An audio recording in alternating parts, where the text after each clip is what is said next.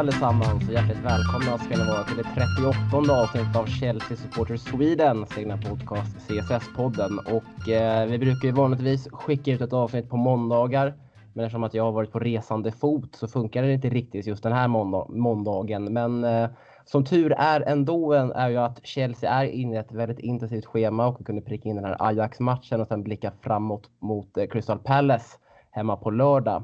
Och eh, just de två matcherna kommer nog vara, kommer vara vårt huvudfokus här ikväll. Och eh, ja, för att snacka ner matchen då igår och blicka framåt mot helgens match mot Palace så har jag bland annat med mig Mattias Buman. Välkommen tillbaka! Tack så hemskt mycket. Känns bra att vara tillbaks. Eh, man är inte lika privilegierad som poddens programledare att få vara på plats vecka ut och vecka in. Men eh, TV-soffan får duga för mig den här hösten. Mm, så är det. Man har ju sina förmåner som eh, poddansvarig. Nej, men det är liksom det är, det är som det är. Man såg ju chanser att man kunde hit, att man kunde knipa lite billiga biljetter mot United och så var det bara att åka. Men eh, ja, du, sen, sen du satt här senast så har du ju gästat en annan podd, nämligen Kevin Baders podd Klacken.nu och där snackar ni också Chelsea och hur var det? Ja, men Kevin är ju en eh, god vän till mig, spelar i samma fotbollslag men har även kört lite poddar med eh, oss tidigare. Daniel har ju varit med där mm, eh, som brukar gästa podden här. Så att eh, nu kanske inte Daniel kunde eller så så att jag fick rycka in och prata lite Chelsea. Så det var kul. Man börjar ju bli stor på sociala medier så att eh, det kanske är därför. Ja, hur går twittrandet egentligen? Vi har ju ändå benämnt dig som eh, Twitterkändis och Twitterkung i den här podden och eh, hur har det gått den senaste tiden sedan, vi, sedan du fick den utnämningen, eh, bemärkelsen? Nej men Hundsur växer ju. Det är ju en, eh, det är ett konto som trendar eh, vecka, vecka ut och vecka in. Men eh, jag har väl varit lite dålig den här veckan faktiskt. Legat lite lågt på twittrandet. Men det måste vara så ibland också. Ibland, ibland är man het, ibland är man lite kall. Men jag kommer. Mm, det känns väl logiskt att har man varit het ett tag så måste man bli lite kall med tanke på all den hysteri det blir. Så man måste lugna ner sig lite och och andas ut liksom. Eh, så det är helt förståeligt. Men det är inte bara du och jag som ska sitta här och surra idag, utan vi har även Kevin med oss. Hur är läget med dig?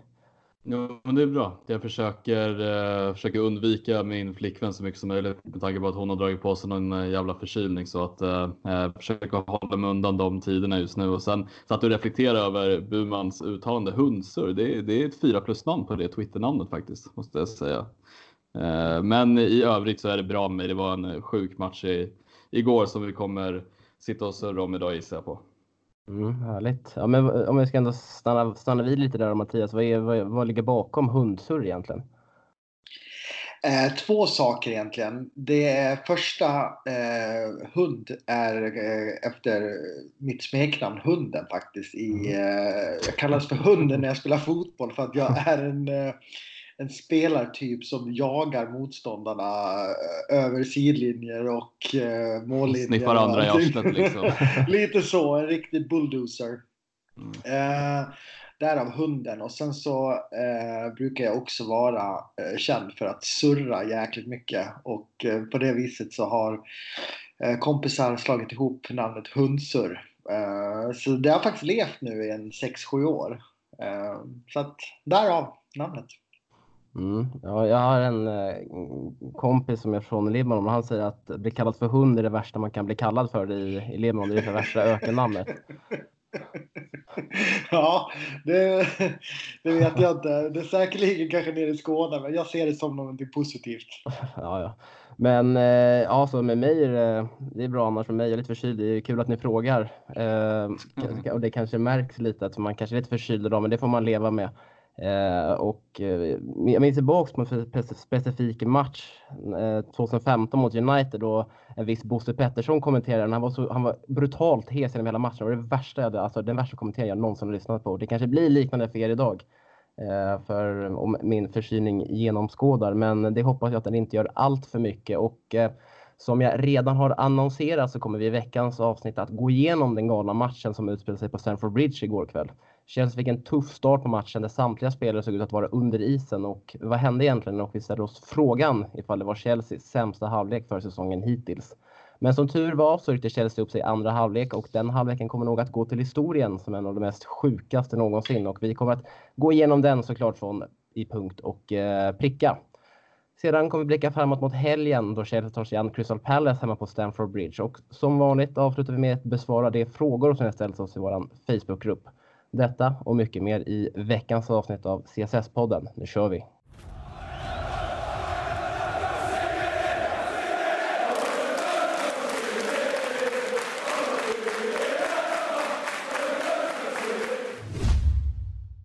Åtta mål, två röda kort, två självmål, två straffar. Ja, det var ju det som hände igår på Stamford Bridge när Ajax gästade och eh, som jag sa där i annonseringen av agendan idag så kommer det nog gå till historien som en av de sjukaste matcherna, i alla fall i modern tid på Stamford Bridge. Men vi ska gå igenom matchen som vanligt då i kronologisk ordning och det var ju faktiskt en första halvlek som eh, var helt bedrövlig från Chelseas sida, Kevin. Ja, nej men eh, vad hände egentligen? Det, det var inte det Chelsea man har varit van vid att se på sistone, men eh, tycker det var en kombo av att vi gör, eh, ja, det är väl delad plats med United-matchen egentligen med, med den sämsta halvleken för säsongen. Ehm, um, så tycker jag också Ajax gör det jävligt bra. De gör oss jävligt dåliga samtidigt som eh, Chelsea hade svårt att komma in i matchen och även efter Jorginhos straffmål så såg det jävligt kallt ut på, på sina fronter och Ja, vi, var, vi var verkligen under isen och det kändes som att det kommer, det kommer bli en sån här match där, där man bara känner att ja, vi har redan torskat matchen i första halvlek. Men eh, det, blev, det blev mycket annorlunda än vad man, vad man hade tänkt sig. Men eh, ja, nej, vi, vi blev verkligen straffade av spelare som Quincy Promise och Hakim Ziyech som var på, på spelhumör eh, i första halvlek. Eh, men eh, jag var förvånad över att det var, det var så iskallt. Jag var inställd på en helt annan match. Och, som vanligt när jag tippar så tippar jag på 2-1, men eh, ja, det, det gick ju som det gick. Jo, alltså man kanske man kan ju benämna det. De hade ju alltså spelare som Hassan eh, Hakim Ziyech och Quincy Promise gjorde det, ju, gjorde det ju bra, men alltså jag tycker ändå att eh, målen och saker som, alltså det är på Chelseas misstag som de kommer fram, alltså de kommer till. Det är egentligen två självmål. Visst, man kan, man kan inte ta ifrån Ziyech eh, frispark eller någonting, men det är Kepa eh, som får in på huvudet och Aspilicueta som eh, fuskar i defensiven och hänger inte med den övriga backlinjen. Och mm. framåt så var vi totalt uddlösa med alltså, misslyckade passningskombinationer och eh, Alonsos inlägg som flög åt alla håll och kanter utan någon, någon destination. Och det såg bara helt trubbigt ut. Eller ja, delar du den bilden, Mattias? Ja, ni är inne på eh, i stort sett alla saker som, som jag har med mig. Men, men jag tänker framför allt att eh, det ytter, ytterkanterna som jag tycker vi tappar mest på.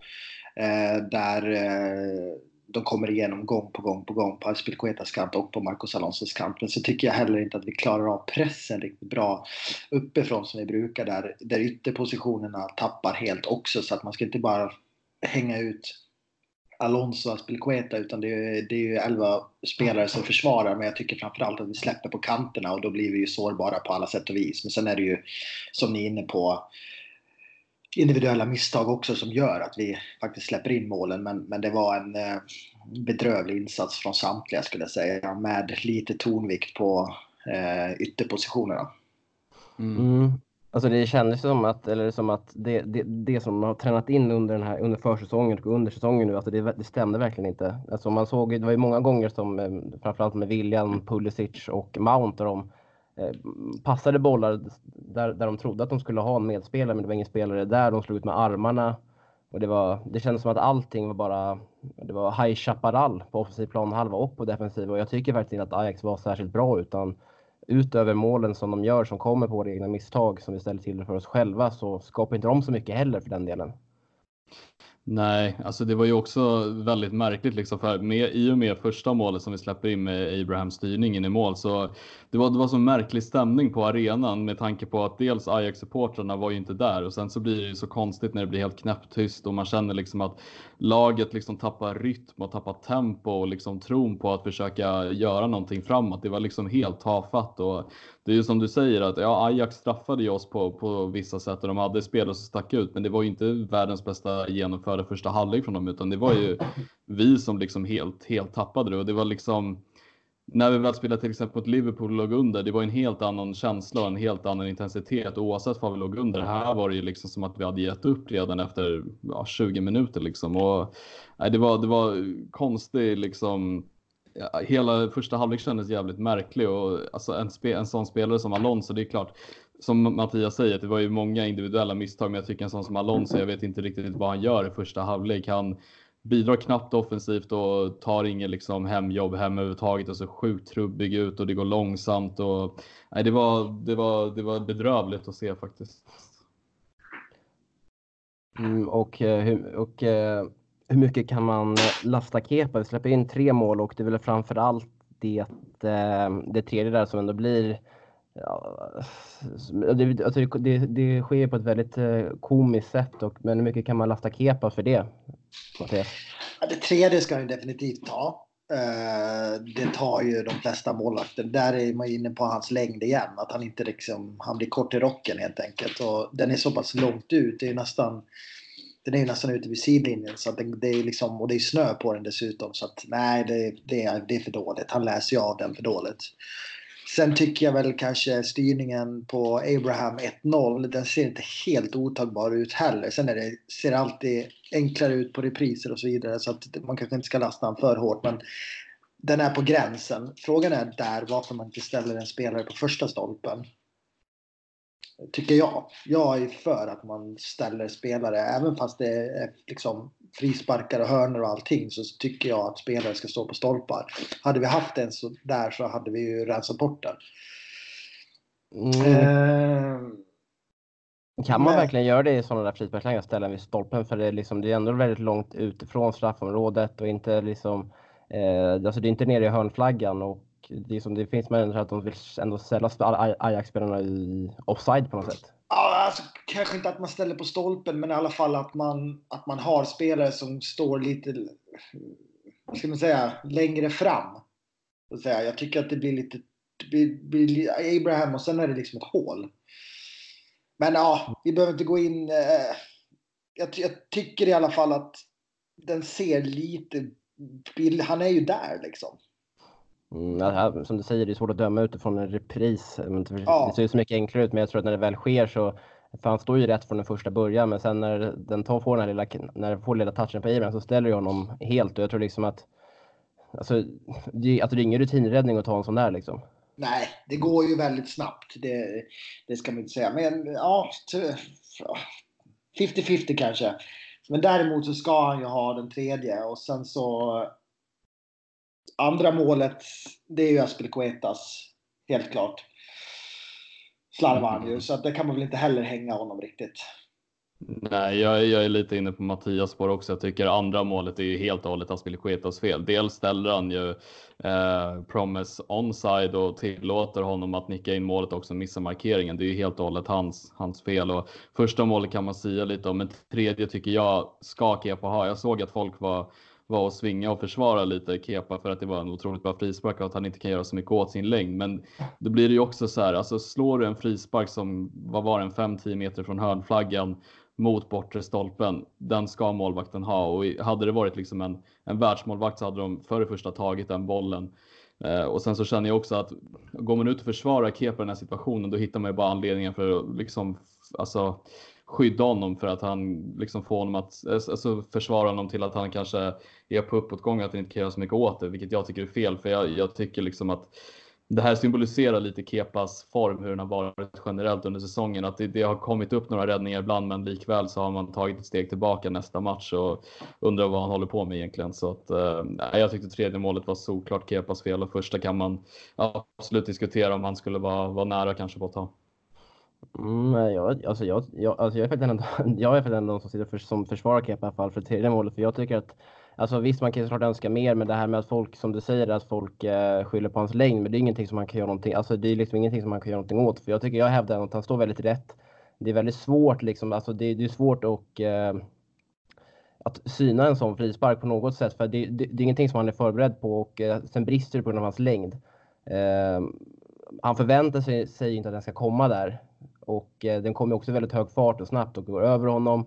Och sen är det ju bara otur ändå att den tar på honom där och sen in i mål. Alltså... Mm. Fast, han, ja, fast han, han, han hinner ju faktiskt, du säger att den kommer i en väldigt hög fart. Han hinner ju faktiskt se ja, det... ganska ja. länge. Den är, han, liksom, hinner, han hinner upp att... handsken men där är det ju liksom längden som, eh, som spelar roll. Och den längden har han ju inte. Ah, och då kanske han är för dålig helt enkelt. Ja, ja jag, det kanske man kan faktiskt... hävda men Ja, jag är faktiskt lite inne på Mattias spår också, för jag tycker liksom så här, måste vara att han kanske är lite kort i rocken, men då borde han placera sig bättre från första början. Och Sech också är ju en av de spelarna i Europa, vad jag läser om statistik om, som skjuter allra mest av typ alla spelare på, på alla utespelare i Europa. Och det är ju inte så att han aldrig har skjutit ett skott förut. Han har ju skjutit frisparkar från alla olika möjliga vinklar och jag gissar på att målvaktstränare går igenom sånt här också. Man borde ju vara mer förberedd än vad han är i sådana fall. För jag tycker så här, man kan inte heller skylla på längden hela tiden. Han är 1,86 lång. Det är inte superkort där inte. Det kanske är lite kort för att vara målvakt, men alltså det, det, det känns bara liksom. Jag blir förvånad att det är Kepa som släpper in den bollen. Hade det varit en Oblak så tror inte jag att det där hade hänt. Han hinner ju faktiskt. Han hinner ju, om han har lite spelförståelse så hinner han ta ett steg bak eller två till vad som krävs för att ta den där bollen. Eh, han står ju kvar på linjen jag, jag, tycker att det är en solklar målvaktstavla. Jag tycker att det är alldeles för dåligt att släppa in en sån boll. Det där är inte en... Det är klart att det är en bra, fantastiskt bra slagen frispark, men man ska inte kunna göra mål därifrån på frispark. Det är för dåligt. Mm, och så var det, ja, han var ju också, han, han, var ju väldigt besviken på sig själv efter situationen också. När han tog och skri, när man fick se på reprisen där eh, när de går i slow motion. Han bara vrålar ut sin besvikelse, antar då, antar då över, över hans egen insats. Men ja, alltså jag, jag hör ju vad ni säger, men jag tycker fortfarande att liksom att man kan inte lasta honom för, den, för, den, för det målet. Alltså jag tycker mer att man, ska, att man ändå ser det fina i den frisparken och jag tycker ändå att han placeras, att han ställer sig rätt i målet där, är, alltså där bollen slås i, alltså mot 9 gånger av 10 så är det ett inlägg som kommer därifrån. Och ja, sen alltså, blir det utfallet, ja, men kanske läng, ja, men alltså man ska lasta honom för det, nej, men och sen längden kan man tycker inte heller man kan klanka ner dem på för heller. Alltså, nej, alltså jag förstår helt vad du menar med, med längden. Det, självklart kan han inte göra någonting åt det, men jag tänker också att Alltså frisparken slås från en alltså, extremt snäv vinkel och från ett ganska långt avstånd. Alltså jag som supporter till det här laget, jag hade aldrig kunnat säga med respekt liksom att det här, är ett, det här är ett mål som det inte är Kepas fel för. För alltså det, det är ju mål, alltså han är ju målvakt och det är, det är en frispark som inte ska få gå in från en vinkel. Hade det varit en frispark liksom utanför straffområdet fem meter, fine. Men det här är ju liksom en frispark som inte får gå in. Det är ju målvaktens fel oavsett hur han står placerad, tycker jag i alla fall. Alltså, är du en världsmålvakt på, som spelar i Premier League, då, då tycker jag att man ska ha sådana där frisparkar. Oavsett hur hårt slagen den är, den får inte gå in. Nej, ja, kanske inte. Men vi ska väl inte bli alltför långrandiga i det. Utan eh, vi tar väl oss in istället i andra halvlek där, där det verkligen hände. Vi kom in i paus med 3-1 och Ajax gör, gör rätt snabbt 4-1. Eh, och sen så i matchminut 68 så blir den här väldigt omtalade situationen när Ajax drar på sig två röda kort och eh, Chelsea får en straff i samma situation också. Eh, det var ju liksom, Holmgren var i extas och hela arenan, det var ju det mest märkligaste jag någonsin har upplevt. Inte, eh, inte upplevt, det märkligaste jag någonsin har sett. I alla fall på i alla fall väldigt lång tid, i alla fall så länge jag kan minnas. Eller, ja, hur upplevde du den situationen Mattias? super, super konstigt. Eh, som du säger, man har ju aldrig sett något liknande. Sen är man ju inne lite grann på det här spåret att eh, gör domaren rätt eller gör han fel? Ja, han må ju såklart göra rätt i och med att han tar, först tar han ju ett gult på eh, vad heter han, blint. Mm. Eh, solklart. Sen släpper han fördel.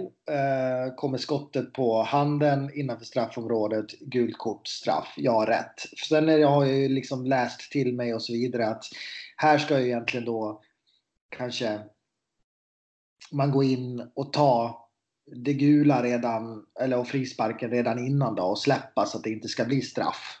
Eh, mm. Till exempel. Men jag, jag är ingen domare och jag kan inte regelboken så att eh, jag tänker inte ge mig in i den diskussionen idag. Men, men eh, det var väldigt märkligt i alla fall och det slog ju väl ut för oss. Men jag kan förstå som Ajax-supporter att eh, det måste ha känts oerhört konstigt att få sina två mittbackar utvisade i samma situation och straff emot sig. Jag hade inte varit glad som Chelsea-supporter om jag hade åkt på den. Nej, det är klart. Och jag, jag, vet, jag, vet, inte heller om det är korrekt enligt regelboken. För jag vet i alla fall, jag vet inte vad Uefa har för riktlinjer till sina domare. Men i, alltså i svensk fotboll så har de i alla fall tagit bort det med dubbelbestraffning. Att det inte kan bli, att det oftast inte kan bli rött kort samtidigt som det blir straff och så vidare för att, att det blir för om det blir för grovt eh, bakslag för, för, för det försvarande laget eller det laget som det händer. Men här blir det liksom tre. Alltså, Mm. Men det var väl då kanske att det inte var röda kort direkt utan att det faktiskt var två gula kort. Jag tror Mm. att det kan ha varit det. Att det då räknas inte som dubbel bestraffning eftersom Men- det var bara gult kort. Men ja, ja, det är konstigt. Jag vet inte. Nej, men det här med, jag tänker också med den här situationen med, med Weltman där han fått ett andra gula. Alltså det känns väl väldigt osannolikt. Eller har verkligen domaren, alltså har han bollar ändå för att dra upp det andra gula för Hansen eller är det för att han snackar? Alltså det har faktiskt inte jag läst någonting om. Alltså för det känns väldigt magstarkt av honom att, eh, ja men först visar han ut blint, dömer straff och sen så ska han ändå hitta en till, en till guling på Weltman. Alltså det, jag känner att det måste vara på grund av snacket Kevin. Ja, nej, men det, det måste ligga någonting i det, för jag tycker för det första, så här, ja, blindtacklingen, absolut att det är ett gult kort och det är sedermera ett rött för honom, men jag har aldrig varit med om i en fotbollsmatch någonsin att man låter spelet gå vidare, dömer ett gult och sen dömer en straff efter och det renderar i två röda kort. Alltså då tycker jag, då tar man, alltså nu, nu säger jag som neutral eh, åskådare, då tänker jag mer att man tar liksom eh, tacklingen från blint genom gult, sedermera ett rött kort och sen låter man det vara därifrån och skiter i situationen efter. Och nu är det ju så att han släpper en fördel, men då blir det ju extremt konstigt att du släpper fördel från första början för ett rött kort. Det har jag inte heller riktigt varit med om. Nej. och sen så, ja, det var ju liksom stora protester efter. Jag, jag kan liksom inte dels läsa några lappar och jag kan inte eh, eh, neder, vad heter det, flamländska eller det de pratar i, i Nederländerna liksom. Men alltså någonting måste ju ha sagts för att det känns Alltså också så här, alltså ett gult för den där Hansen. Det är, det är Callum Hudson-Odoi som drar ett skott på hans arm och ja, det är absolut hans, men ett gult kort. Jag tyckte Dan var ute och flaxade så mycket med handen. Han stod ju inte med händerna på vardera sida för att stoppa bollen, utan det går på hans arm. Och jag tycker Mm. det är jävligt hårt att döma ett gult kort om domaren nu redan i sin vetskap vet att han har ett gult kort och har redan innan dess bestämt för att ge ett gult till blind. Det är alltså situationen är så sjukt konstig i mitt tycke och så här, hade jag varit neutral eller en Ajax-supporter, jag hade varit skogstokig för att dels jag tycker röda kort på blind, fine. Gult kort på Weltman, nej. Straff, ja. Men det är ju då, men det är då om, han, eh, om han snackar med domaren, om han säger Mm. någonting. För att det gula kommer ju ganska sent. Så Ja, frågan är exakt. inte om han åker för surret istället för att det Mm. är för Hansen. Mm. Han åker för hundsurret. Ja, precis. Men alltså, ja, men det, det måste ju vara, alltså den här domaren måste ju fått något, alltså, måste fått någon psykbrytare, alltså med tanke på, alltså han får ju antingen ett val, antingen så, som, som Mattias sa, att då blåser han ju direkt och drar upp det andra gula och rött för blint. Eller så tar Mm. han ju bara straffen. Men alltså, Men med det tanke på ska att VAR, alltså, han kan ju inte blunda för den här straffen med tanke på VAR, så han Nej. måste ju ändå, alltså när den här situationen sker, då måste han, måste han ju döma straff. Ja, Och då, liksom, jag då måste, ändå, måste, borde han ändå ta det beslutet, ja men då, då struntar jag i blint kort, eh, rött kort, eller inte rött kort, men så här straff Chelsea, då har nog alla blivit nöjda ändå.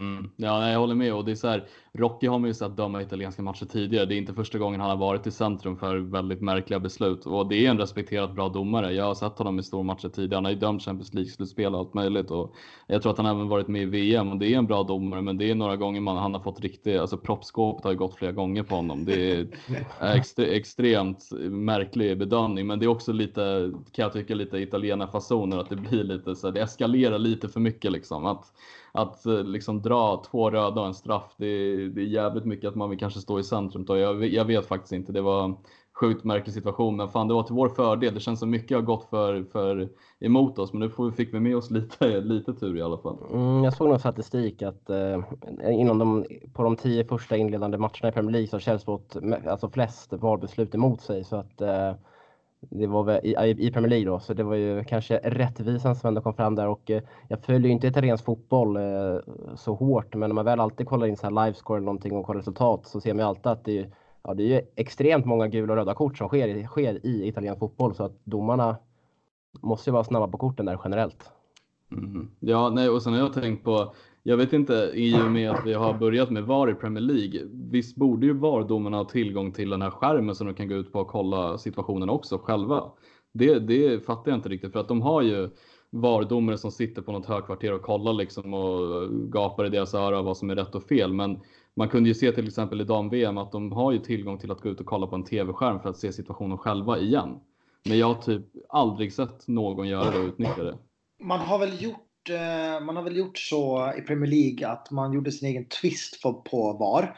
Så att eh, det som skiljer sig i Premier League är att domarna då inte ska gå ut och titta på någon skärm eh, för Mm. att det ska snabba upp spelet. Utan eh, de ska då ringa till den här femte VAR-domaren som sitter och tittar på eh, Mm. repriserna då. det skiljer sig då mot vad de gör i Italien och vad de gjorde under VM och så vidare där domarna alltid springer ut och tittar på skärmen. Vilket jag tycker mm. borde vara självklart i Premier League. För att dels så sätter ju huvuddomaren eh, sin liksom känsla och stil på matchen. Han sätter någonstans nivån. Det är då det är huvuddomaren som vet liksom, ja, man kanske släpper den där för att eh, ja, men man snackar med spelarna och så vidare.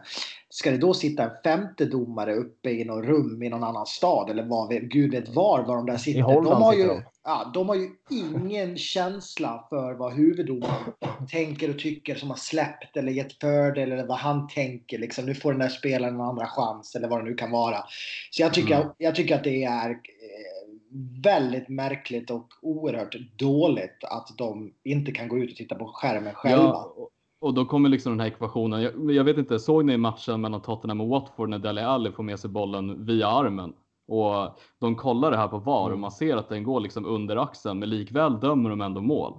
Mm. Här tänker jag också så här, hela den situationen tog extremt lång tid och de visar också fel resultat av VAR-situationen. De visar att det inte ska vara mål medan domaren dömer mål. Det tog ju typ fem minuter ungefär och det är för mig inte att snabba på matchen. Då kan man ju likväl sätta dit en skärm så domaren kan få kolla situationen igen. Alltså mm. det, det, jag får inte den ekvationen att gå ihop om man har VAR som jag ändå tycker tar fett mycket längre tid än vad de har sagt att det ska göra. Då kan man lika gärna ha den här tv-skärmen så då man kan också se sitt egna misstag och kanske göra om det. Då, då mm. tänker jag mig också, hade man haft tillgång till det i den här matchen, då tror jag domaren hade dömt annorlunda. Helt mm. ärligt. Ja, vi kanske får uh, släppa ut ett helt avsnitt där vi bara sitter och raljerar om VAR. Nej, fuck VAR alltså. Det finns så mycket. Nej, är fan pro Kevin alltså. Usch. Ja, det är, ja, det är framförallt och det blev ändå drabbade åt oss. Vi, vi rycker ändå upp oss där. Jorginho sätter straffen, så blir 4-3. Vi får spela 11 mot eh, 9 då i 18 minuter då, och eh, plus tilläggstid som då blev 4 minuter. Eh, och sen så gör ju Reece James 4-4 bara några, någon, några minuter efter att Jorginho satt eh, 4-3 målet. Så vi går upp till en 4-4 ledning. Och eh, vi stannar lite vid det målet och Reece James i allmänhet. Vad, vad såg ni av hans insats i eh, i, i, i, den, i den andra halvleken för han ersatte ändå Alonso där i halvtid. Vi börjar med dig Mattias. Superfin. Eh, jag tycker att han eh, kom in med en eh, jättefin attityd att vilja liksom anfalla och vågade komma runt på kant, slå mycket inlägg. Som jag tycker, vi var inne på, på det lite, det var du Kevin och jag som eh, lite grann om det ja. på forumet där, att du tycker inte att hans inlägg riktigt är bra. Jag gillar ju de här lite mer lägre inläggen som han typ ofta slår. Eh, det gäller ju bara att man har två, tre spelare som går och hugger där inne. En går på första, en går i mitten och en går på andra.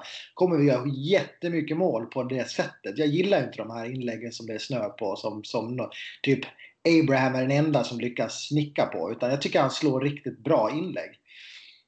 Mm, jag vet inte, ja, det, Nej, men jag håller med. Jag får fan ta tillbaka lite det jag eh, tjafsade med dig Men jag tycker också att hans inlägg såg lite bättre ut den här matchen. Men alltså någonting jag verkligen eh, märkte med James, alltså helvete, han är ju byggd som en häst. Alltså han är ju så sjukt jäkla biffig och han är 19 år gammal. Det, är, det var verkligen så när jag såg honom nu den här matchen, men när han spelar på högerkanten så var ju kameravinkeln lite mer riktad närmare honom. Han ser ju extremt bitig ut. Och jag tycker också för övrigt, alltså det inhoppet han gör nu mot Ajax måste ju vara hans bästa inhopp på, eh, under säsongen tycker jag. Jag tycker han var riktigt bra när han kom in och eh, det är också ett tecken på att nu flåsar han jag spelar Kueta i nacken på riktigt. Jag har ju sagt i början av säsongen att jag tror att Aspi kommer få sitta kvist efter ungefär halva säsongen. För jag tror att alltså de framstegen James tar just nu, det är, och med tanke på Aspilicuetas första halvlek, fine att han gör två mål i andra halvlek, men Aspilicueta var inte bra tycker jag matchen igenom.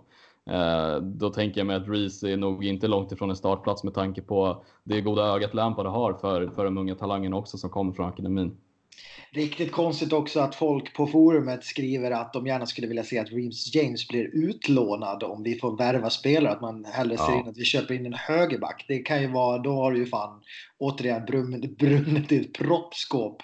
För ja, att Reeves, Reeves James är i Chelsea för att stanna och han kommer bli riktigt bra för oss i framtiden. Och som du säger Kevin, jag har faktiskt sagt lite samma sak. Jag tror att när vi avslutar säsongen, om det blir till efter jul eller om det blir lite senare i vår, så kommer han ha tagit den där högerbacksplatsen för eh, Aspelikueta. Jag är helt hundra alltså. För han är så bra både defensivt och offensivt. Han behöver bara nu få speltid och eh, bli liksom trygg i sin roll. Mm. och det tror jag Lampard kommer liksom slussa in honom. Han har ju varit skadad också så det är väl bra att han får en liten mjukstart här. Men uh, jag tror att han snart är där. Mm, och Aspelekueta vet vi som sagt att han kan ju spela på båda kanterna. Han är ju en vänsterback i grunden och han gick över då till vänster när James kom in där. Men jag blev i alla fall väldigt glad över James inhopp för det är en, ändå en spelare som jag inte Besviken har jag inte varit på honom, det är kanske lite fel ord, men jag hade förväntat mig mer. Eh, jag hade väldigt höga förhoppningar på honom nu inför, eh, inför säsongen och med tanke på hans strålande säsong i Wigan. Men jag tycker inte att han har fått ut det så mycket i sina inhopp eh, i starten mot Manchester United. Men, eh, och, och sen ta Grimsby-matchen vill jag inte ratea så högt med tanke på, med, alltså med tanke på det motståndet, det var ändå League 2-motstånd. Men eh, igår så tycker jag att han, han bevisade verkligen vilken bra fotbollsspelare han kan vara och, och hur bra han kommer bli. Och eh, det blev jag väldigt glad över i alla fall. Och eh, fortsätter han på den, på den inslagna vägen så kommer han absolut, tror jag, också kommer knipa en start, startplats och det är ju bara frågan om när. Mm. Ehm, och eh, vi vet ju att Frank Lampard har ju alltid velat, eller han, det enda han indikerat, han har roterat, roterat väldigt mycket i inledningen av säsongen, nu sett lite mer än 11, men om man kollar på hur han har hanterat eh, Pulisic och Hudson Odoi rotationen där så har han ju spelat den spelaren som han anser vara i form. Och med James med en, sån, med en sån här insats i den andra halvleken så förväntar jag mig nästan att han ska starta på, på, på lördag redan. Mm. Mm. Jag tror att eh, om vi är inne på lite grann att man har varit lite besviken eller om du har varit det. Jag, jag, jag har aldrig trott på honom men, men eh, jag hör vad du säger och jag har ju läst andra som också tycker att ja, men, mm, har vi inte pratat upp honom lite för mycket. Men då ska man komma ihåg att det är faktiskt mycket svårare att hoppa in eh, kvart, 20 minuter som högerback, mittback, som är en försvarare i grunden, än att hoppa in som en offensiv spelare. För att när du hoppar in som en offensiv spelare, då har du oftast ingenting att förlora. Du kommer in med ny energi mot en trött back. Du, får liksom, du har oftast fått order om att attackera, attackera, attackera, misslyckas. Men om du gör en dragning som är bra, ja, då har du gjort ett jättelyckat inhopp och så drar en assist eller ett mål och så är det wow, vilken spelare. Medan att hoppa in som försvarare är ganska tufft. För man har oftast så här, du måste komma in i spelet, du måste hitta din, din, din position på planen. Eh, det, det, är ganska svårt. Alla som har spelat fotboll förstår hur jag menar. Att det är inte mm. alltid så lätt att hoppa in som försvarare. Det är därför man inte byter i försvaret så ofta.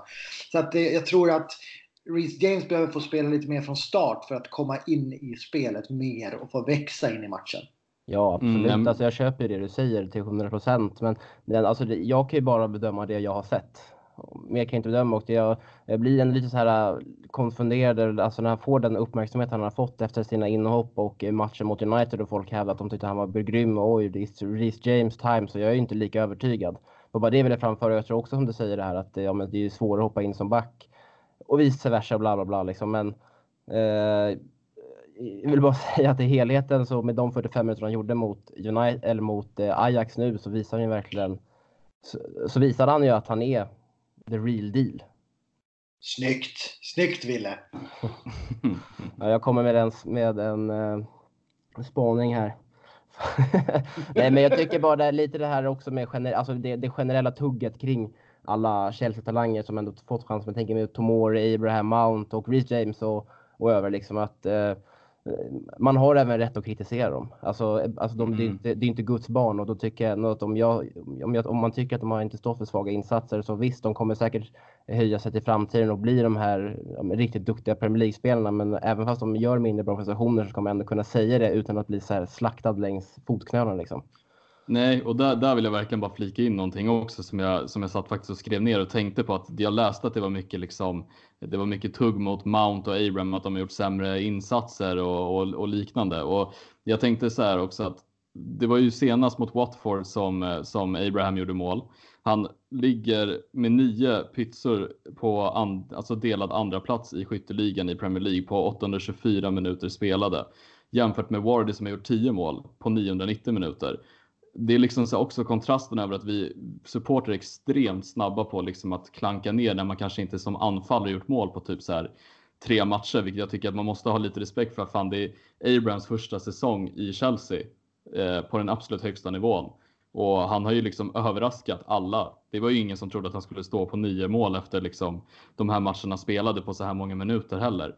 Och likadant med, med Mount och Callum Hudson-Odoi. Jag menar det är liksom Mounts första säsong i Chelsea i högsta ligan och det är Callum Hudson-Odois. Ja, det, det, är väl tänkt att det ska bli hans liksom första ordinarie säsong efter sin skada. Att man, man är jävligt snabb på att hugga på att de har gjort sämre insatser så man måste ju ha respekt också för att Abraham är 22 år gammal, Mount är 20 år gammal och Callum Hudson-Odoi, han fyller faktiskt 19 år imorgon, men han är 18.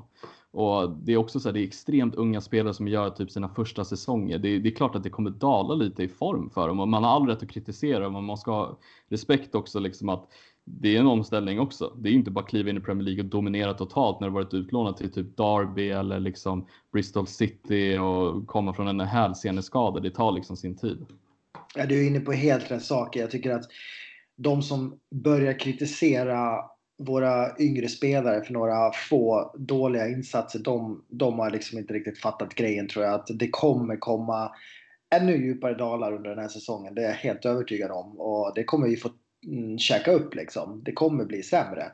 Eh, och där är det ju, tycker jag då att istället för att klanka ner på våra yngre spelare som kanske kommer då gå upp och ner i form så är det väl då Lampards uppgift att plocka ut rätt spelare som faktiskt är i form och som ni har varit inne på, som jag kanske har varit lite motståndare till då, att rotera lite mer för att få spelare eh, lite mer fräschare.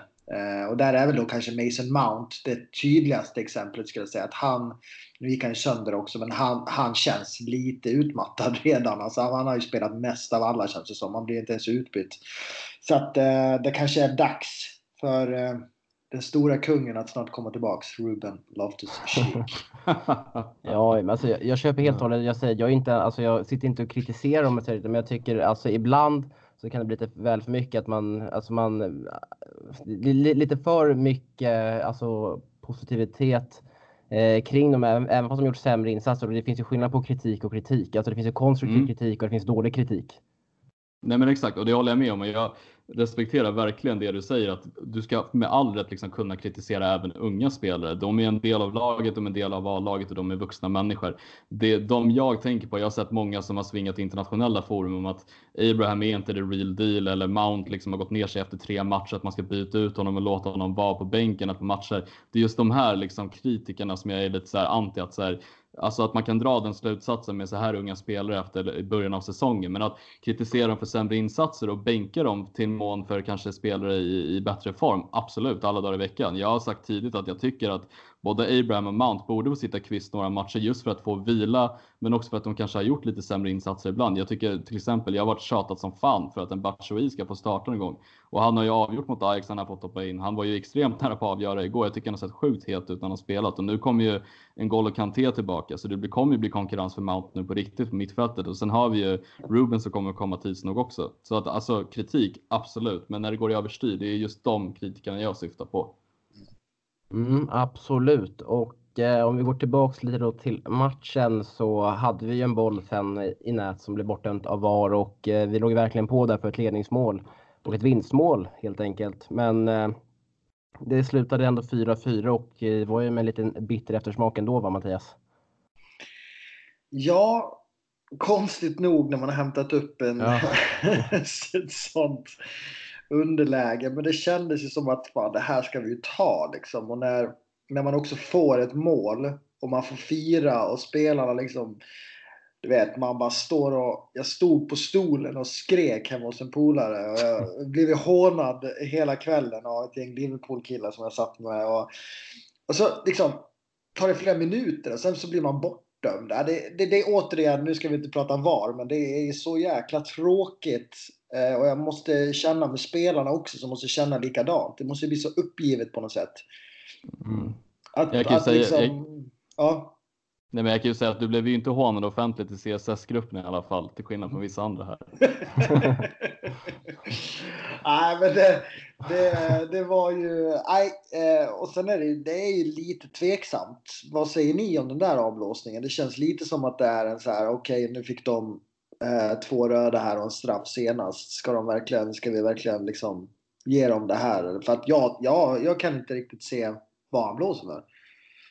Ja, det är ju handen där på Abraham och vad jag vet i alla fall hur för riktlinjerna i Premier League att när bollen tar på en offensiv spelare emot, alltså i, på, på offensiv, i offensiv straffområde så ska domaren blåsa och vi har sett många fall där domaren har eh, blåst bort exakt, alltså exakt likadana eh, Eh, situationer. Jag tänker framförallt den som City gör mot Tottenham i eh, slutminuterna. Då att, det är på väg eh, på vägen till vem det nu som dunkar in den så tar du på Laportes hand och jag tog den på Abrahams hand. Även fast, det inte, även fast det inte sker någon riktningsförändring och så vidare så är det ändå en hands och då ska domaren blåsa. I alla fall det som jag, just i alla fall så som jag uppfattat det. Så att det borde vara korrekt men det ju, känns ju ändå, trots att det är korrekt så känns det ju superlarvigt. Ja. Den var tung. Ja, och jag skrev liksom till dig också Kevin, där när, när 5-4 målet blev eh, bortdömt så skrev jag till dig att det kändes som att, alltså med tanke på urladdningen som ändå blev med firandet efter det och kändes att det här kommer inte, alltså det kommer sluta 4-4. Det känns som att mm. luften gick ur spelarna lite, även fast vi skapade bra målchanser så kände jag ändå som att luften gick ur dem spelarna på något sätt och det, det kommer sluta 4-4. Ja, nej, men det, jag, jag var ju ute och svingade om att vi kommer få in ett, ett 5-4 ja, mål, men Tyvärr, Onana gjorde ju en riktigt bra räddning måste man också säga på, på Batshuayis avslut. Det är för övrigt en extremt bra vändning av Batshuayi och att Onana får ner handen, är, det är bara starkt från, från honom. Och, eh, nej men jag håller med, det, det, var ju en jävla urladdning och jag har faktiskt all respekt. Alltså absolut, det är en bitter eftersmak, men fan man måste ändå tänka att vi tar upp en, en 4-1 ledning till 4-4. Oavsett hur många man de har eller inte, det är extremt starkt så man får ändå vara nöjd med poängen. Men det hade varit ett ljusare läge i gruppen om vi hade vunnit. Ja, precis. Eh, ja, kör Mattias. Nej, jag tänkte också bara det att eh, flika in där. När vi gör 4-4, när Reece gör mål. Såg ni de bilderna när, när alla våra egna produkter bara välter sig ut på kortsidan mot fansen. Fan vilka starka bilder ändå. Ja, Herregud vad fint alltså. Det är ja. som man har längtat efter det där. Alltså. Bara liksom, nej, jag, måste bara, jag ville bara flika in det. Det var fint. Det, var, mm. det är sånt där som gör liksom att, man, att man vill fortsätta liksom, brinna för det här. För att det har känts så här. Det är den jäkla skillnaden när, när William springer ut utan att händer liksom. Nej men då blir jag inte lika sugen mm. liksom. Utan när det här händer då blir jag jävligt taggad alltså. Men alltså jag måste bara säga en sak också. Alltså så här, blev ni förvånade att det är just Chelsea som är inblandade i en 4-4 match på det här sättet? Alltså jag blev typ inte förvånad att det är vi. För att vi läcker som ett jävla såll bakåt. Och släpper in så konstiga mål. Och sen så liksom att ta upp Eh, den här mål, alltså det, den ledningen Ajax har. Det känns som att jag blir inte förvånad bara att det var Chelsea som var inblandade i den här matchen. Nej, inte idag. dagens Chelsea så känns det väl högst eh, låga odds på att om det, om det sker så är det ju Chelsea som är med som, är, som ska vara ett av lag som står på en av, en av planhalvorna. Så att ja, det är ja, inte, inte förvånad för fem öre faktiskt. Nej, men det är kul. Det är väldigt mm. kul. Det är väldigt entusiastiskt. Jag kände personligen att jag behövde verkligen en sån här match med tanke på debaclet man fick bevittna på Stamford Bridge förra veckan mot United och Djurgårdens SM-guld i helgen och fotbollen bara kändes allmänt tråkig. Så får man den här jävla matchen ändå liksom. Men eh, jag tänkte generellt här på själva, eh, eh på själva resultatet. Så, ja, men så 4-4 och det känns bittert just nu. Direkt efter slutsignalen kände jag vi borde satt femman och sen kände jag ja, ja, snart så kommer väl ändå inse att vi ändå en 1-4, hämtar vi upp till 4-4. Det, det är ändå godkänt liksom i allra högsta grad. Men sen när jag vaknade upp och kollade, och kollade tabellen så ligger ju faktiskt Ajax, Chelsea och Valencia på 7 poäng vardera och nu krävs det nästan att vi vi borde ju, alltså vi, vi måste nästan vinna mot Valencia på bortaplan.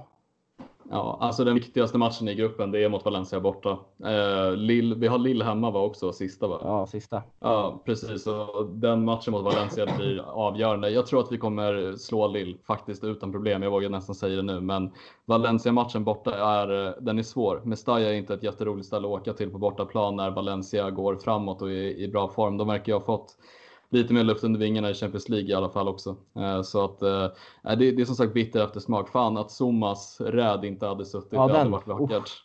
Jag, jag, jag, tänkte, jag tänkte att vi höll på att glömma det, men alltså det, det måste nog varit det bästa under matchen. Jag tror jag, jag garvade så jävla högt när jag såg det. Det är det sjukaste jag sett alltså. Ja, de här övertäcktsfinterna, så det kändes som att... Ja, är det... Korpen. Det är Kurt Maradona som eh, springer ja. runt där på Stamford Bridge. Det, det, såg ut som hund, det såg ut som Hunsur sprang runt där på planen överstegsvinter. Skulle kunna vara jag faktiskt. Ja. Fan, det var komedi på väldigt hög nivå. Men, men ni, säger, ni säger att vi, vi måste vinna mot Valencia. Eh, räcker det inte med att vi kryssar Valencia och vinner mot Lille så borde vi ändå ha jäkligt bra chans också, eller hur? Mm, det är om Ajax slår Valencia förutsatt. Ja, alltså det, det kommer i alla fall bli en hög, en hög, alltså oavsett resultat i båda matcherna så kommer det ändå bli en hög dramatisk sista omgång. Det kommer mm. det bli. Jag menar, visst är det Valencia-Ajax sista. Ja. Så kryssar vi Valencia, vinner mot Lille, då måste vi gå vidare. Mm. Eh, ja, jag vet inte, räknar de med serien? Räknar de inbördesmöten eller målskillnad? Och jag kan kolla lite snabbt om ni tuggar vidare. Men om vi säger att, om vi, säger att vi kryssar mot Valencia, då har Ja. vi åtta poäng var. Vi säger att Ajax slår Lille, då har de 10. Sen vinner vi mot Lille, då har vi 11. Ja, det måste räcka med tanke på att vi Ja, ligger det före räcker. Valencia just nu Ja, också. Precis. precis. Ja, då kanske inte så illa, men det känns ändå som en, ja, men en förlust vore det verkligen förödande i alla fall. Ja, då, då, är, det då är det- då är det tufft. Får vi göra. Arsenal sällskap i Europa League sen till, till våren. Och det vill vi ju inte göra. Usch. Så de fick 1-1 bara mot det där portugisiska laget här, så det kan man sitta och njuta lite av. Men eh, jag tycker medan vi väntar på att Kevin här har Mm. upp hur det ser ut så kanske vi ska börja avrunda just den här matchen. För vi, Mål.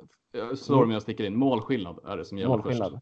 Och hur har du där vad Chelsea och Valencia har? först. Det kan vi ta fram. Eh, Chelsea. Jag tror att vi, eh, jag tror att om jag inte missminner mig så har Ajax, eh, hade ju mycket mer än vad vi har, eller ska vi se här. Vi har gjort sju, sju mål, släppt in sex. Ajax har gjort tio, släppt in fem. Vad blir det då? Det blir, eh, ja, de har ju, Ajax har ju bättre målskillnad än oss, och de leder i gruppen. Och Eh. Valencia har bättre målskillnad än oss också väl, tror jag. För de har Ja. sex gjorda mål och ett insläppt.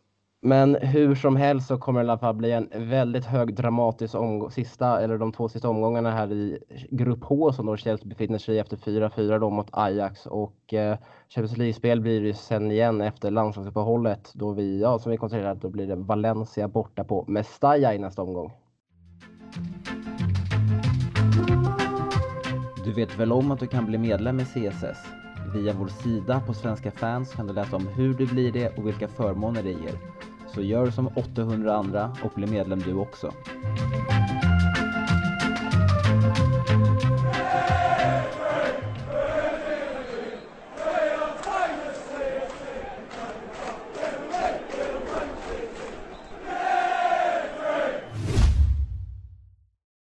Näst på tur för Chelsea blir då Crystal Palace hemma på Stamford Bridge på lördag klockan 13.30 svensk tid och det är ju sista matchen här innan eh, spelarna går på landslagsuppehåll då är det den sista landslagssamlingen här då för de europeiska spelarna som ska avgöra vilka landslag är som får spela EM. Men först Crystal Palace på, på lördag som sagt Kevin och vad kan vi förvänta oss av eh, Crystal Palace först och främst? Vi kommer få möta ett tajt, defensivt lag. Typiskt Roy Hodgson-lag kommer vi få möta. Eh, de har ju fått igång Ayo, konstigt nog där framme. Han brukar inte göra så mycket mål, men han har ju stått för fyra av lagets tio gjorda mål. Och som man hör så är det inte ett eh, mål, jättemålfarligt lag, utan det är ett kämparstarkt lag. De har ju ett köttigt mittfält med KJT, MacArthur och Milovojevic som, som är en eh, stark trio där på mitten och så har de ju Zaha och Slup oftast på kanterna och det är rätt tråkigt lag när man läser mittfältet och anfallet de har. Men de har ju snott poäng av, eh, av äh, vet det, Arsenal. De har vunnit mot West Ham borta så att det alltså. United borta det- också. Ja, United borta också precis. Så att det är ju ett, eh, ett, ett mittenlag och de har tagit mer poäng än vad folk tror, tänker jag. Och det ska bli kul att se Gary Cale igen. Han har ju fått kliva in nu när de har haft lite problem med mitt, mittbacken och så har han tagit en, en fast plats där. Så att eh, det är ett eh, brittiskt köttigt lag och Roy Hodgson är tränare. Då vet man att det brukar oftast vara rätt stängda matcher. Så har de en Sa som brukar kunna överraska. Mm, och det är ett Crystal Palace, eller ett Crystal Palace, det är Roy Holtzson där som har rätt förflutet i Sverige och tränat är svenska klubbar som Malmö och Halmstad om jag inte missminner mig. Och i Premier League så ligger de ju för närvarande på en nionde plats med eh, 15 inspelade poäng. Eh, bara ja, två upp till Arsenal där då på femte plats. Så det är ju ändå ett, ett, ett bra gäng som har fått kommit in i säsongen med eh, i rätt fot och i rätt riktning så att säga. Men vad kan vi förvänta oss av eh, Chelsea på lördag, Mattias? Ja, vad kan man förvänta sig efter den här Holmgången i veckan? Alltså det blir ju svårt, eh, riktigt tufft. Som Kevin var inne på. Det är ett, eh, det är ett svårspelat lag. Eh, jag tror att vi kommer få stångas lite mot en köttmur likt eh, Newcastle-matchen. Eh, förhoppningsvis gör vi ett mål tidigt som kan luckra, luckra upp matchen. Men eh, annars blir det nog tufft. De är, de är svåra, Palace, och de går ju bra. Så att jag tror att eh, nyckeln är att göra ett mål tidigt. Eh, Så får vi se hur, hur Lampard väljer att formera sig. Om det är många spelare som är trötta efter matchen mot Ajax och som måste vila eller om han kör på här sista fighten innan lag, mm. landslagsuppehållet. Vi får se. Jag, jag har lite funderingar där kring startelvan. Vi får se. Mm, och eh, som alltid, eller jag är alltid lite extra nervös eh, inför den sista ligamatchen inför uppehållet. För det känns som att där vill man ju verkligen få med sig en trea. Med tanke på att sen blir det ju inga, inga matcher på två veckor blir det ungefär. Eh, så det, tar ju, det är långt kvar då till revansch. Mm, eh, verkligen. Är extremt viktig match att eh, vinna som alla matcher i Premier League egentligen. Men det känns alltid, jag alltid känns, känns, för mig känns alltid de matcherna inför ett uppehåll som lite, lite extra viktiga för att kunna gå, gå in i det landslagsuppehållet med, med en god känsla. Eh, det är ju lite skadefrågetecken i Chelsea då Mount klev av mot eh, Ajax här och vi får se ifall han kommer komma till start. Eh, Emerson också tveksam, satt inte på bänken mot Ajax och sen så såklart då så är eh, Ruben Österkik borta och Rydiger också i allra högsta grad. Vi spelar in det här på onsdag som sagt så att det är lite svårt att sia exakt om vilka som kommer vara redo och inte då på på lördag. Men om du får ut en startelva Kevin, vilka väljer du att formera då? Om du tänker lite realistiskt där och vad, vad, vad du själv tänker och hur Frank Lampard tänker. Ja, nu tog jag ut en elva i lite mer mitt tycke än realistiskt, men jag drar den ändå för jag står, jag står lite för den känner jag. Eh, ja, men vi eh, måste, innan du kör mm. igång, vi, du måste förbättra det här Ville. Alltså, du kan inte, vi kan inte ha den här punkten där man får blanda sina egna och Lampards tankar. Det, det, är, ja, liksom... det är ju liksom- klart, det är så här, lite, lite vad du själv tycker, men som du samtidigt tror är realistiskt och som du tror ändå Frank Lampard kan välja att ställa upp med. Det är ju högst rimligt tycker jag. Nej, ja, men, då, men då kör jag ett statement och säger att det här är den elva jag vill se. Snyggt. Helt, helt och hållet. Jag skiter egentligen i vad Lampard tänker. Det här är vad jag vill se. Jag vill se Kepa i mål. Jag vill se James, Tomori, Zuma och om Emerson är tillbaka vill jag se honom på vänsterbacken. Sen vill jag se Kanté komma tillbaka från start med Jorginho i mitten och en Mount. Och jag vill ha Pulisic, Batshuayi och William. För jag tycker att James har börjat visa mer och mer. Han förtjänar att få en plats. Jag tycker också att Kanté måste få matchning nu, speciellt kanske sista matchen tycker jag passar bra och jag tycker att eh, Batshuayi måste få chansen från start. Jag tycker att det börjar bli tjatigt, men alltså helvete, han har visat så många gånger att han förtjänar att få starta, så att där sätter jag punkt för min elva. Mm, och hur mycket den vill in Jorginho där så kan jag bara säga att han är avstängd eftersom att han har dragit på sig x antal gula kort här. Så att eh, det fallerar ju på direkten så du måste nog ta in Då... lite Frank Lampards eh, eh, vägningar och det lite mer realistiskt. Då tar vi Kovacic. Jag tar Kovacic där istället. Mm. Mattias, om du får välja då? Mm. Jag går på Kepa i mål. Reece James på högerbacken för det förtjänar han. Tomori Zuma spelar kvar i mittbackslåset och Aspelkueta tar vänsterbackspositionen då jag tror att Emerson inte kommer spela då att han inte ens satt på bänken. Och Eh, vi kan väl komma tillbaks till hans situation där senare. Men på eh, mitten sen så hoppas jag och tror att eh, Kanté är tillbaks då han satt på bänken. Kovacic och Mount. Om nu Mount kan spela. Vi hoppas. Och sedan framåt så vill jag se Christian Pulisic och Eh, Callum Hudson-Odoi på kanterna tillsammans med Batshuayi som eh, central anfallare. Jag tror på ett 4-3-3 mot Palace och jag tror att vi gör det med en mm, eh, het Batshuayi på topp mot sina forna lagkamrater. Mm, intressant och eh, Eh, mållinje, eh, målvakt och backlinje delar helt och hållet. Samma sak med Kanté och eh, Kovacic där på defensiva. Sen skulle jag faktiskt vilja se eh, Pulisic, eh, William och Hudson-Odoi på, de, på det centrala mittfältet där, eller inte centrala, på de tre offensiva platserna. För jag tycker att mot Newcastle där, som är lite liknande motstånd som Crystal Palace, att eh, med det här mer raka och direkta spelet så var det verkligen då vi började luckra upp deras försvar och det är kanske någonting man kan testa kanske redan från start i den här matchen alternativt att man ändå skiftar mot det väldigt tidigt ifall, eh, ifall man inte får in den här tidiga 1-0 bollen. Och sen är jag också lite inne på att Batshuayi ska få, ändå få chansen från start här även fast jag tror att det blir Abraham som kommer att eh, starta matchen. Eh, du hade någonting du ville komma till där med Emerson, Mattias? Ja, men vi har ju sett det både på eh, honom och på Kanté eh, och även på Rydiger vad håller vårt läkarteam på med egentligen? Det känns som att vi släpper ut dem alldeles för tidigt och sen så går de sönder direkt och så är de skadade en längre period igen. Det, det, det är någonting som inte stämmer med de skadorna vi har. är det bättre att, att vila och läka och bli helt frisk innan man sätter igång? Det känns som att Kanté, Emerson och Rydiger, de har varit på väg tillbaka sen vi startade säsongen typ. Och så kommer de tillbaka en match och så blir de skadade och bla bla. Nej, inte bra. Nej, en jag, eh, såg till eh, lä läkarteamet. det börjar bli lite Arsenal över det kanske. Ja, men lite Mm, så. ja, det- Det är livsfarligt när vi börjar få massa skador som liksom blir, vad ska man säga, ett återkommande problem. Det, är- det är inte bra. Nej. Nej, det är bra spaning. Jag tycker också det som är positivt är att det är två veckors landslagsuppehåll efter det här, så förhoppningsvis så är alla hela när de är tillbaka igen och förhoppningsvis som inte uttagna till sina landslag så att de får verkligen vila också. Det, Ja. värsta, det, det värsta är väl nu om eh, Frankrike kallar Kanté Ja. igen. Och så spelar de honom och så blir han skadad igen. Det vore ju... Han ska ju vara kvar på Cobham nu. Han ska ju Mm. liksom rehabba med Loftus Cheek i poolen och sen ska liksom han komma tillbaks som ett eh, monster här om två veckor Mm. när säsongen börjar. Ja, jag, jag, jag är helt, helt med det där och det känns väl ändå som att eh, ja, de, de måste skynda långsamt med, eh, med alla de här spelarna och inte verkligen spela dem för, förrän de är redo.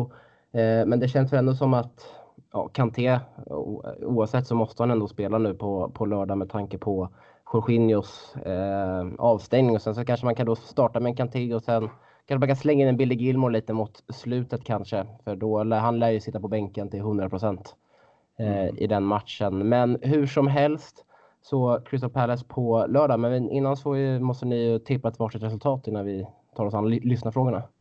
Inga kommentarer längre. Han, han kan inte våga sig på dem. Nej, det, det räcker nu med tippningar. Vi- Mattias, vad tror du att det blir? Jag tror att det blir 2-0 Chelsea. Ja, jag håller med dig Mattias. Perfekt. Ja, jag vet inte. Jag, jag, har inte- jag har inte ens tänkt på det. Jag har inte tänkt på det. Men nu, nu känns det som när Kevin bangar ett resultat så kan inte jag också göra det. Det blir dåligt. Men eh, Mm. Eh, ja, som tack på lite skakiga vi är bakåt alltså, men det känns som att det är ändå viktigt att få in en Kanté. Samtidigt går Jorginho bort. Så det är bra. Ja, men jag, jag drar till med, får vi in ett tidigt mål så det blir 3-1 Chelsea.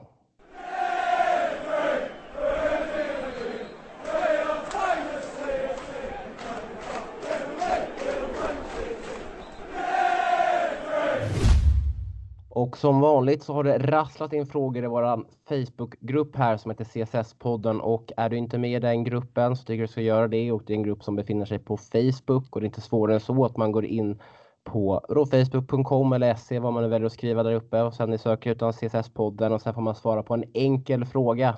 Så kommer jag acceptera er att gå in i eh, att eh, godkänna er för att gå med i gruppen och eh, något som är lika självklart är ju att eh, vi oftast svarar på de frågorna under eh, avsnittets gång och det är ingenting vi gör eh, med mening utan det är liksom bara ett incitament där det, eh, där eh, det bevisar att eh, ja, vi tänker väldigt lika här eh, gentemot våra lyssnare. Vi är inne på lite samma spår. Men en fråga här som sticker ut lite är en fråga från Esad Henic som eh, skriver att Mounts, som skriver om Mounts dåliga form de tre senaste matcherna och är det något vi behöver oroa oss för Mattias? Jag tycker inte det. Jag tycker att eh, Mason Mount har eh, visat under säsongstarten här att han är en väldigt viktig spelare. En bra länk mellan mittfält och anfall. En, en mittfältare som, som producerar poäng på löpande band och som också är kreativ och kommer till mycket skott. Så att jag, jag tror att som vi var inne på lite grann under avsnittet att det är ett stort steg att komma från Derby till Chelsea och Premier League och han är inte gammal och han har aldrig varit i de här skorna förut så att eh, det kommer komma dippar. Det kommer också komma höga toppar för att Mason Mount är i Chelsea för att stanna och han är riktigt bra så att eh, nej, ingenting att oroa oss för. Jag tror att eh, han har bara en, en han är lite sliten och kanske behöver lite vila nu. Eller så kommer det en formtopp snart igen och då ska ni se att det är leverans. Kevin? Ja, jag tycker också det, det, det är också så här, vad är definitionsfrågan i sådana fall på dålig? För att eh, han är en central mittfältare, offensiv mittfältare och har inte gjort poäng på några matcher. Man bidrar fortfarande i spelet tycker jag med att lösa upp olika knutar och jobbar här mycket defensivt. Så jag tycker att det är svårt att kritisera honom för att han inte producerar mycket poäng som han har gjort i början av säsongen. Som Mattias är inne på, han är 20 år, han är ung, genom tid, tålamod. Det är svårt att hålla en jämn form när man gör sin första säsong i högsta ligan. Så att eh, nej, jag tycker att det är ingenting att oroa sig över. Det kommer. Mm, jag är också faktiskt lite inne på samma spår. Alltså stirrar man sig blint på statistiken så då kan man ju hävda att han har en dålig form. Men om man kollar på hans prestationer på planen så tycker jag att han har bidragit med väldigt mycket de här då tre senaste matcherna. Och då är det väl Ajax, Watford och eh, vilken match spelade vi innan det? Eh, Burn, Burnley var det väl? Mm, så tycker jag ändå att, och ett inhopp mot United tycker jag ändå att han har bidragit med mycket men tyvärr inte hamnat i poängprotokollet. Eh, men jag tycker inte heller att det är någonting, eh, någon som vi behöver, behöver vara oroliga för. Tycker faktiskt jag är en, en av de, en, en av den talangen som Chelsea har just nu som, som jag tycker ändå haft en av nästan den starkaste säsongsinledningen av dem alla. Mm. Eh, trots att eh, han kanske borde ha vilat någon, en eller två eh, Eh, matcher. Men eh, ingenting, vi har en jag vill också flika in där också bara att uh, han, han gör ju ett otroligt jobb i det defensiva. Det mm. finns nog ingen som pressar så bra som Mason Mount gör. Han ligger ju och skaver hela tiden och kämpar och löper över stora ytor om man uh, kikar lite noga. Så att han är väldigt viktig även i det defensiva. Så att det handlar inte, som jag säger, alltid att bara producera poäng. Utan det är viktigt, men hans pressspel är också fantastiskt. Mm, som sagt, han, han bidrar med väldigt mycket när, en, om man ändå inte kommer in i poängprotokollet. Så det är en enad panel här som eh, inte är oroliga för fem öre. Eh, om vi tar en till fråga så har vi en från Robin Isitt som eh, menar att bytet på Alonso igår måste tyda på att han lär bänkas framöver, Kevin. Jag tycker att eh, det måste ha bevisats någonting för Lampard att Alonso inte håller måttet. Jag har faktiskt också tappat det lite för Alonso nu. Jag tycker att hans offensiv absolut briljant vissa gånger, men han är för keff defensivt så jag tycker att man borde verkligen se över den positionen även när Emerson är borta. Jag tycker att det funkade bättre med Aspilicueta så att eh, ge Reece James chansen på kanten och låta Aspilicueta vikariera, vikariera där nu när, när Emerson är borta och låta Alonso sitta bänk i mitt tycke. Håller du med Kevin och Mattias?